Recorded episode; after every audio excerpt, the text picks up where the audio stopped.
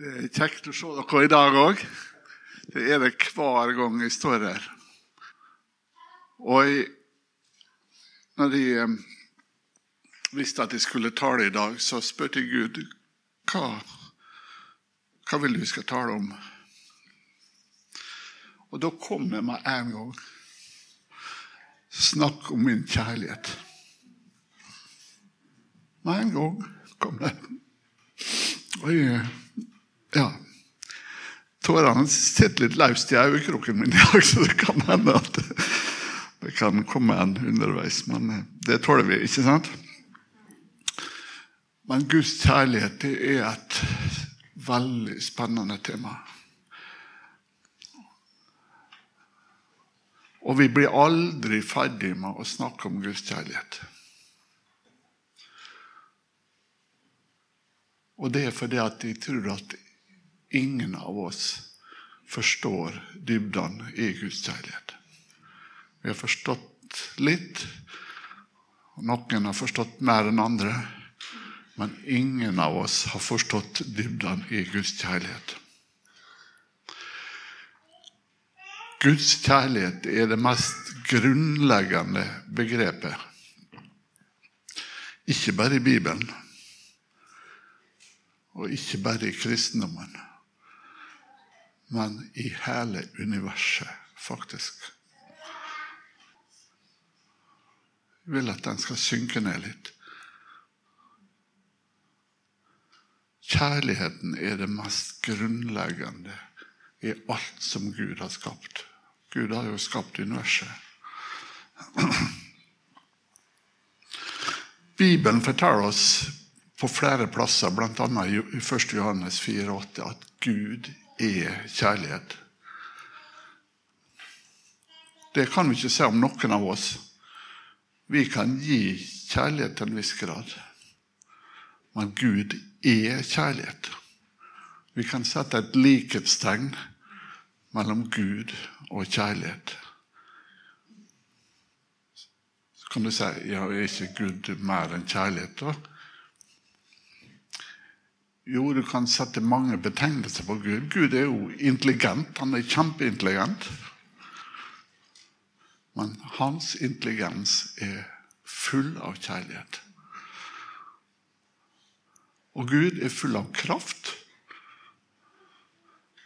Men den krafta er full av kjærlighet. Det kan være mange slags krefter rundt om i verden. Men mye av den kraften er egoisme, egoistisk motivert. Det kan være vonde krefter av forskjellig slag. Men Guds kraft, den er full av kjærlighet. Jeg skal gå litt tilbake til skapelsen. I første Mosebok så beskriver eh, blir det beskrevet skapelsen og hvordan den treenige Gud skapte. Altså det, det vi, vi, tenker kanskje at, at det var Gud sjøl som skapte, og så Jesus og Den hellige ånd har liksom blitt edda på etterpå. Men det står eh, at etter at Gud har skapt universet, så sa, sa han 'la oss skape mennesket i vårt bilde'. Og hvem er det oss og vårt peker tilbake på? Jo, det er Gud, Jesus og Den hellige ånd. Så det er, den, det er Gud, Jesus og Den hellige ånd som sammen beslutta å skape universet. Og ettersom Gud er kjærlighet, så er skapelsen òg en kjærlighetshandling. Uten Guds kjærlighet hadde ikke universet eksistert. Og når Gud beslutta å skape mennesket, så var det òg en kjærlighetshandling. Gud skapte mennesker fordi han ville vise sin kjærlighet til oss.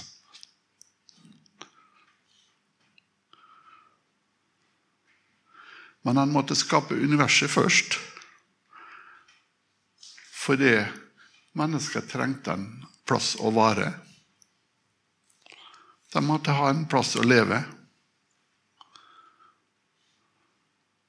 Så han skapte universet først.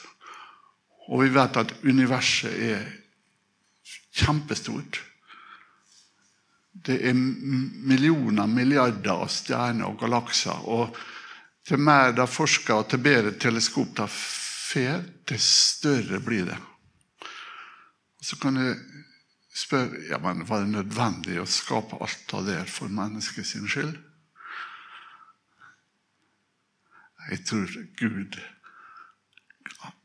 Gud hadde glede av å skape det storslåtte universet for den han elsker. Og så er jo uendeligheten i universet òg et bilde på evigheten. Det hjelper oss å forstå hva evigheten er for noe.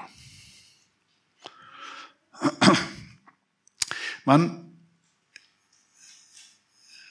jeg har lyst til å utdype litt av det med at Gud måtte skape universet for at vi skulle ha en plass å leve. Universet gjør at jorda blir leve, levelig. Uten universet så ville ikke jorda være et levbart sted. F.eks. så ville det være så kaldt her at det var umulig for noe liv å eksistere. Vi ville ikke hatt lys. Vi ville ikke hatt årstider. Vi ville ikke hatt skifte mellom dag og natt. Alt av det er jo skapt av universet, av rotasjonene av planeter. og Sola er kilden til energi på jorda, ikke sant? Uten universet så vil vi være uten mat og uten vann. Og ikke noe å kunne leve her.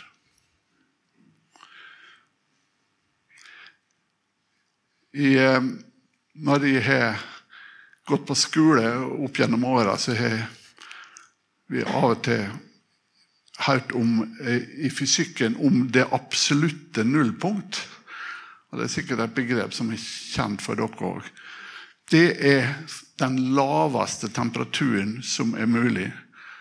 Og den laveste temperaturen som er mulig, det er minus 273 grader, 15. Ikke vet jeg hvordan de kommer fram til det.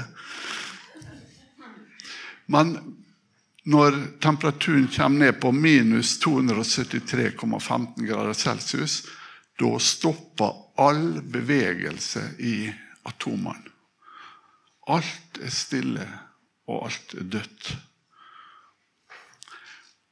Og I min tanke så tenker jeg at en verden uten Guds kjærlighet det er et tomt rom der temperaturen er minus 273,15 grader. Men heldigvis Gud er kjærlighet. Og Gud har skapt oss og plassert oss her i dag. Og her er det ca. 300 grader mer enn det er på det absolutte nullpunkt. Og Det tror jeg vi skal være takknemlige for. Så Gud er god. Det er det resultatet av Guds kjærlighet.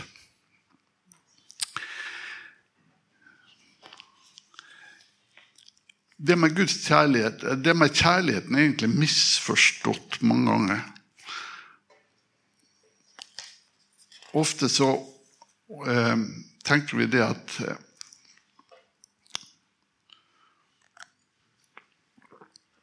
At det, vår, at det er vår kjærlighet til Gud som er viktig. Men 1. Eh, Johannes 4,10 sier tydelig og klart at i dette er kjærligheten ikke at vi har elsket Gud, men at Han har elsket oss og sendt sin sønn til soning for våre synder. Og så er det det med kjærlighet. Det er jeg nødt til å definere litt. For ordet kjærlighet blir jo brukt masse i samfunnet vårt. Men det er veldig ofte misforstått. Men den ekte kjærligheten, Guds kjærlighet, det er den som Bibelen kaller for agape-kjærligheten. Og det er en kjærlighet uten betingelser. Betingelsesløs kjærlighet. Gud elsker oss ikke på grunn av våre gjerninger, men på tross av våre gjerninger. På tross av våre dårlige gjerninger. Og det er veldig viktig å holde fast på det. Fordi at vi tenker så lett at hvis vi gjør et eller annet galt, så er Gud sint på oss. Hvis vi synder, så er Gud sint på oss, tenker vi. Er det sant? Nei, det er faktisk ikke sant. Gud er sint på synda, det kan nok være riktig. Han er ikke sint på oss. Gud elsker oss på tross av Det er jo det som er agapekjærligheten. At han elsker oss ikke på grunn av at vi er gode, men på tross av at vi er dårlige. På tross av at vi synder, så elsker han oss. Gud elsker syndere, han. Det er det som er vårt håp. At Gud elsker syndere. I vår kultur så er ofte kjærlighetsbegrepet knytta til følelser. Jeg elsker det så lenge du gir meg gode følelser. Men det er ikke kjærlighet, det er egoisme. Du elsker noen andre for å oppnå noe sjøl. Men Guds kjærlighet, agapekjærligheten, er ingen følelse. Guds kjærlighet er en holdning eller en beslutning fra Guds side om å elske. Men det betyr ikke at Guds kjærlighet er fri for følelser. Når eh, Bibelen skal beskrive kjærligheten, hva bilde en bruker da?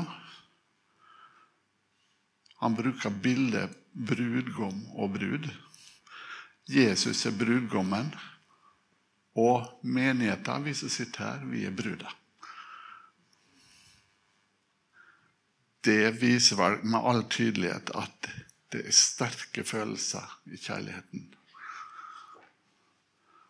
Hvis vi leser Bibelen og leser Salmos høysang, så beskriver så bruker Bibelen der ord og begrep som til all, alt overmål viser at det er sterke følelser involvert.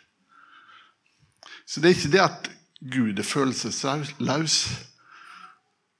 men kjærligheten til Gud er ubetinget. Den er ikke basert på følelser, den er ikke basert på gjerninger. Hvorfor sier jeg alt det her? Jo, for jeg tror det. Og det, når jeg studerer Bibelen, så får jeg styrka den tanken. At det vi egentlig søker i livet, det er Guds kjærlighet. Vi tror kanskje at det er rikdom, god utdannelse, berømmelse, gode venner, hobbyer, eh, naturopplevelser og mange sånne ting. At det er det som vi søker i livet, at det er det som gjør oss lykkelige. Men jeg tror at det er bare Guds kjærlighet som kan gi oss den tilfredsstillelsen som vi søker i livet. Jeg sier ikke at alt det andre er dårlig, Men hvis det blir bare alt det andre, så vil vi alltid kjenne på ei tomhet inni oss. Fordi at vi ikke har fått erfare Guds kjærlighet. Det er et helt kapittel i Bibelen i 1. kor 13 som beskriver kjærligheten. Og Jeg skal lese noen vers derifra. Eh, jeg har dessverre ikke eh, Ja, det kommer et vers på skjermen, faktisk. Han Simon. Kanskje du finner 1. Korinterbrev 13, 4-8 òg? For der står det at kjærligheten er tålmodig. Den er vennlig. Kjærligheten er ikke misunnelig. Kjærligheten skryter ikke. Den er ikke oppblåst.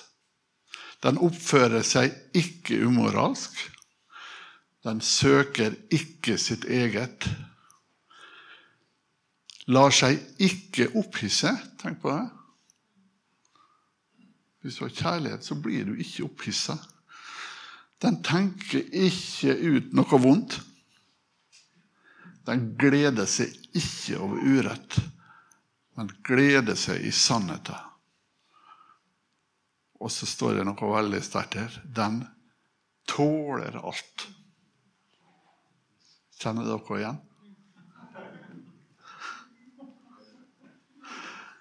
Den, tenk, den tror alt. Den håper alt. Og den utholder alt. Det er ikke flott at vi eh, har fått en sånn kjærlighet. At Gud viser oss en sånn kjærlighet. Kjærligheten faller aldri bort. Om det er profetiske gaver, så skal de ta slutt. Om det er tunger, skal de opphøre. Om det er kunnskap, skal den bli borte. Altså profetiske gaver og tunge og, og, og, kunnskap er jo ting som vi legger veldig stor vekt på i menigheten, ikke sant? Men det skal opphøre. Men kjærligheten skal ikke falle bort. I vers eh, 13 så står det så blir det stående disse tre. Tro, håp og kjærlighet. Men størst av dem er kjærligheten. Ja, men vent litt. Er det ikke tru som er størst, da? Er det ikke trua vår alt står og faller med? I Hebreerne 11,6 så står det at uten tro er det umulig å være til behag for ham. For den som kommer til Gud, må tro at han er til, og at han belønner den som søker ham. Så trua må jo være veldig viktig, ikke sant? Svaret er at trua virker gjennom kjærligheten. Galaterbrevet 5,6 sier tro virksom i kjærlighet.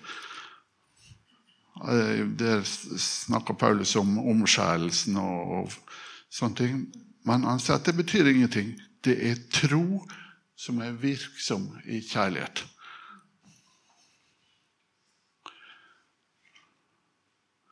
Så kjærligheten Når vi begynner å forstå Guds kjærlighet, så skaper det tro i oss. Og tro blir enkelt når du vet at du er elska.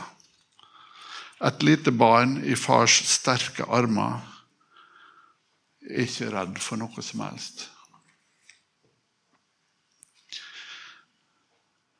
Og er det noen som har sterke armer, så er det jo Gud.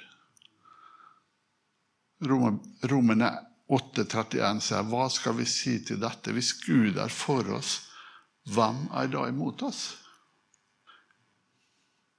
Hvis vi virkelig ser at Gud er for oss, så blir det å tro enkelt. Hvis vi skjønner at Gud er for oss, hvis vi skjønner at Gud bare setter og venter på en anledning til å vise sin kjærlighet Når, det begynner å sige inn og bli en grunnholdning i oss, så blir det lett å tro.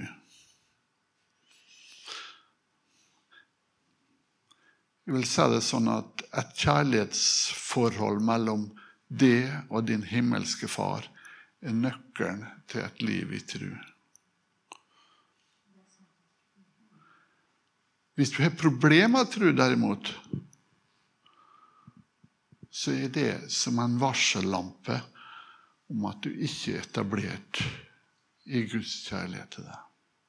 Det er sterke ord, men jeg tror det er sant. Og så er det det flotte som jeg vil nevne når jeg går mot avslutning her, at vi er gjort i stand til å elske med Guds kjærlighet. For når vi ble født på ny, så fikk vi Guds ånd inni oss. Vi har fått Den hellige ånd, og derfor har vi òg evne til å elske med Guds kjærlighet. Vi har òg evne til å tro alt, håpe alt, tåle alt. Er ikke det flott?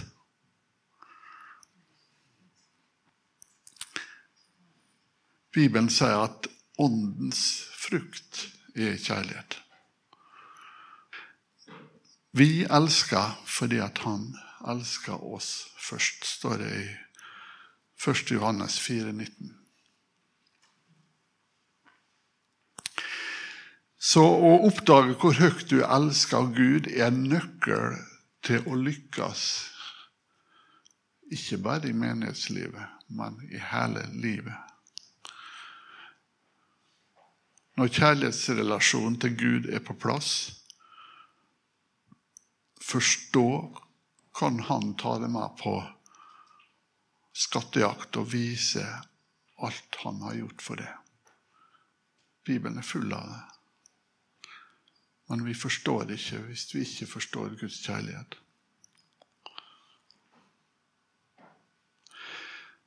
Hvis vi kommer på avstand fra Guds kjærlighet, og glemmer hva han har gjort for oss, så kan vi fortsatt stå på i menigheten eller ha oppgave i Guds rike. Men da blir frukta borte. Det er det åpenbaringsboka snakker om når den sier at eh, dette har jeg imot deg, at du har forlatt din første kjærlighet. Da er det ikke din kjærlighet du har forlatt.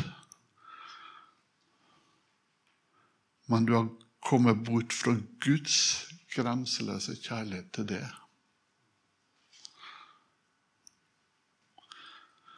Så jeg vil avslutte med en oppfordring om å lære Guds kjærlighet å kjenne.